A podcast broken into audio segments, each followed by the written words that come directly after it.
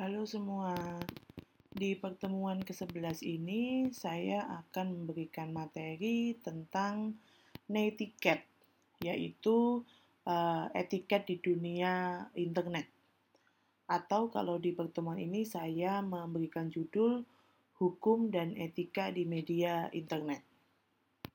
Nah, um, di sini saya ingin mungkin memberikan pandangan bahwa ketika berbicara tentang netiquette itu sebenarnya uh, lebih kepada pengguna.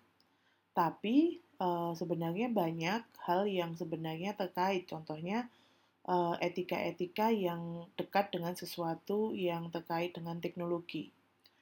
Karena uh, beberapa sistem atau beberapa identifikasi dalam gambar saat ini bisa di, uh, didetek oleh teknologi, sehingga identifikasinya lebih ke sesuatu yang uh, dekat dengan teknologi. Kalau dari perspektif teknologi, uh, itu bisa berupa uh, pengaturan etikanya itu dengan dipasangnya kode digital atau program yang diatur terkait dengan kebijakan masing-masing penyedia media sosial. Contohnya, akses konten di YouTube yang memuat kekerasan atau seksual itu biasanya uh, ketika kita mau masuk itu diperlukan konfirmasi usia pengguna 18 tahun ke atas atau ada tulisannya adult content dan lain sebagainya. Konfirmasi itu untuk memastikan pengguna terbilang usia dewasa untuk mengakses konten tersebut, termasuk segala akibatnya setelah mengakses konten tersebut. Um, sebenarnya kalau dalam dunia internet ada hal-hal yang uh, tidak bisa kita kendalikan. Salah satunya adalah uh, pembuatan profil dari um, apa email atau kemudian lanjut ke masing-masing aplikasi di media sosial. Contohnya, ketika anak kecil membuat uh, atau merekayasa usianya seperti dewasa, memang benar itu tidak bisa kita kendalikan.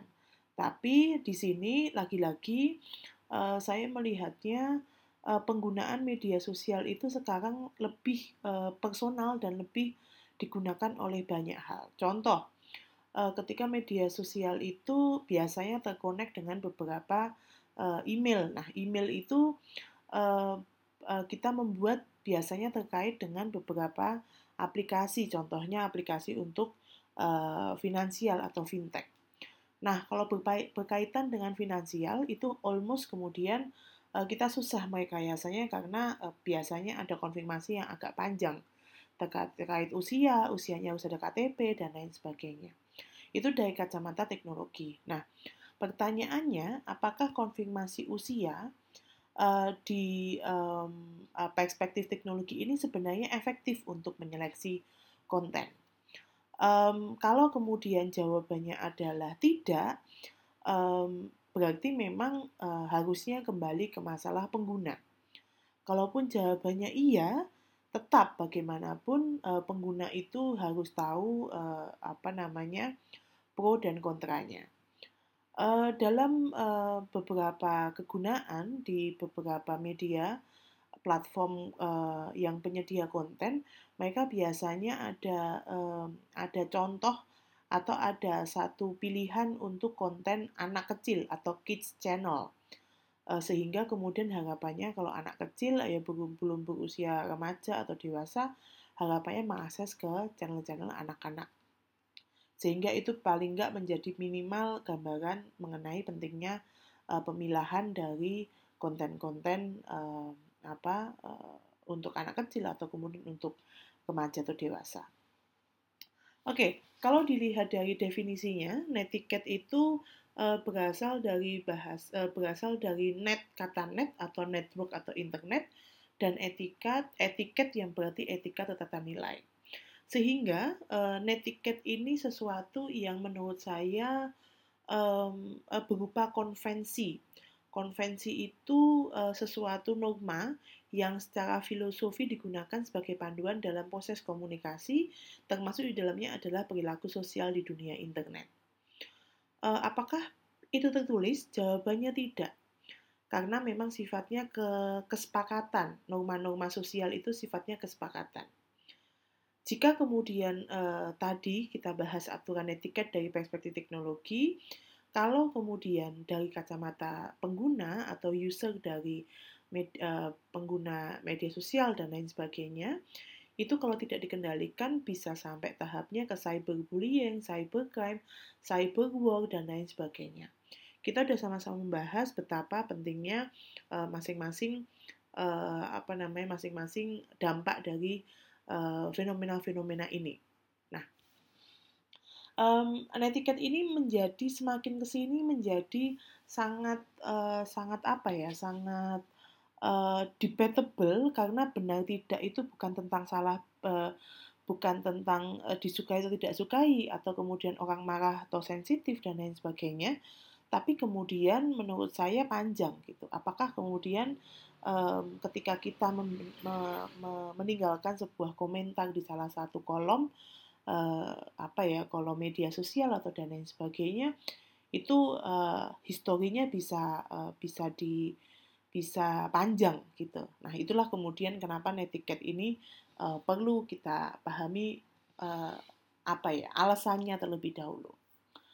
Alasan pada akhirnya perlu etika di dunia internet satu adalah uh, setiap orang dari pengguna media sosial itu latar belakang atau lingkungan sosialnya itu heterogen dan berbeda. Kalau kemudian bicara lingkungan, itu kita bisa lihat pertama dari geografis. Tidak semua ada di kota.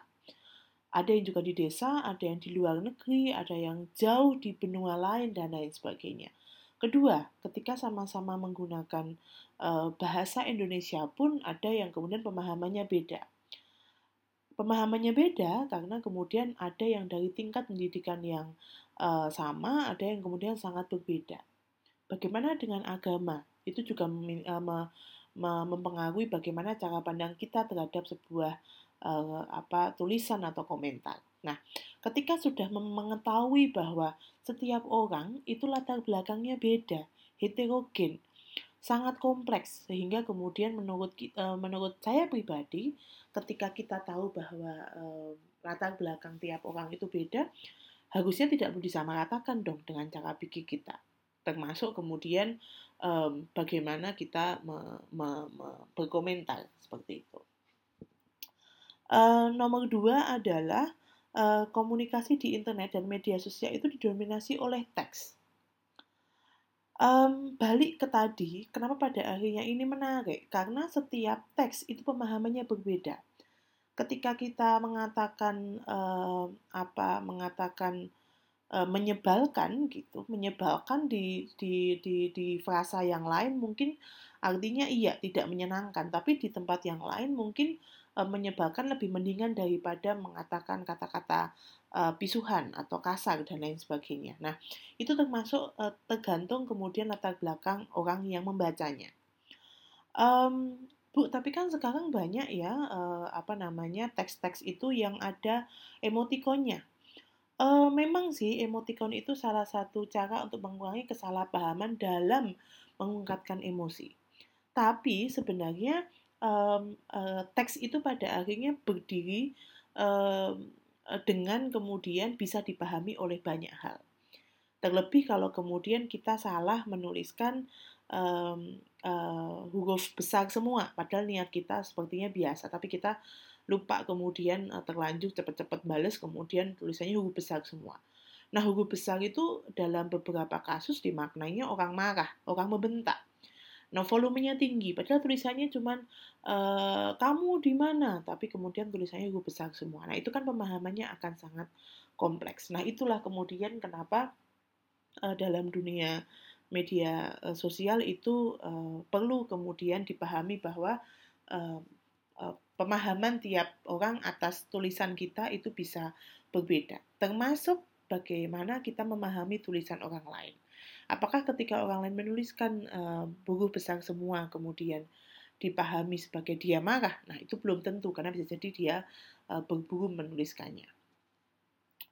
Um, nomor tiga, jadi um, nomor tiga ini sebenarnya berkaitan tentang sesuatu yang sangat um, uh, apa ya, sangat dekat. Contohnya adalah ketika dalam dunia internet itu um, apa ya? Uh, uh, mereka itu biasa menggunakan anonim atau nama-nama yang tidak nama sendiri.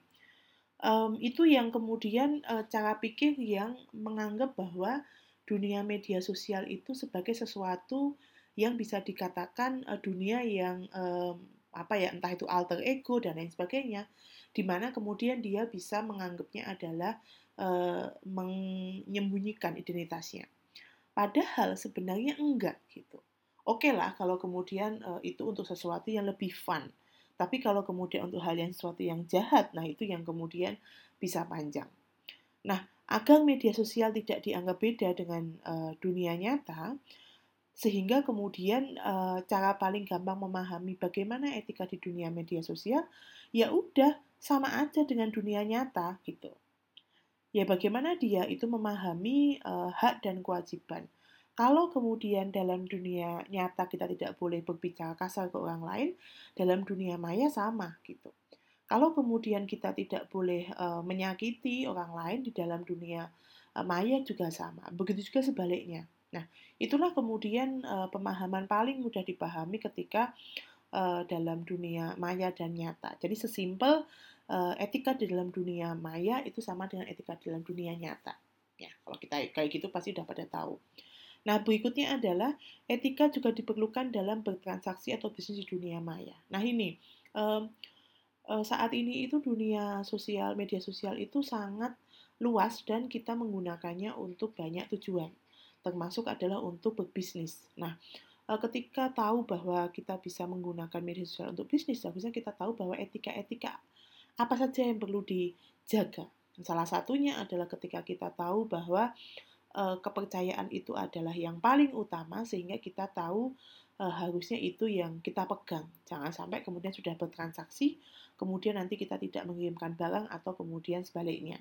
Nah, itu yang kemudian harus sama-sama diketahui bahwa histori dalam di dunia maya itu sekarang e, gampang dilacak sekaligus tidak mudah dihapus. Nah, pemahaman-pemahaman itu yang harusnya diketahui ketika beretika di dunia internet.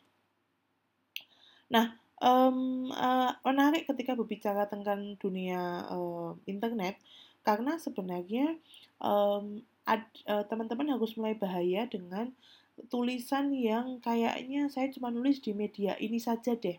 Ini cuma tertutup buat teman-teman saya. Ini cuma close friend. Kalau dalam pet itu cuma privacy dan lain sebagainya. Tapi uh, kenyataan di lapangan ketika itu di screenshot uh, lalu kemudian dimasukkan media sosial yang lebih bisa membuat viral itu akan lebih um, apa uh, efeknya akan lebih wow dan bukan tidak mungkin nama baik kita akan kena dan nanti bisa dibawa ke jalur hukum jika itu terbukti menjelek-jelekkan atau membawa nama baik orang lain. Sehingga harus diketahui bahwa memang ada begitu banyak rentetan kalau kita sebenarnya berkaitan dengan dunia uh, internet. Oke, itu dulu teman-teman. Um, terima kasih.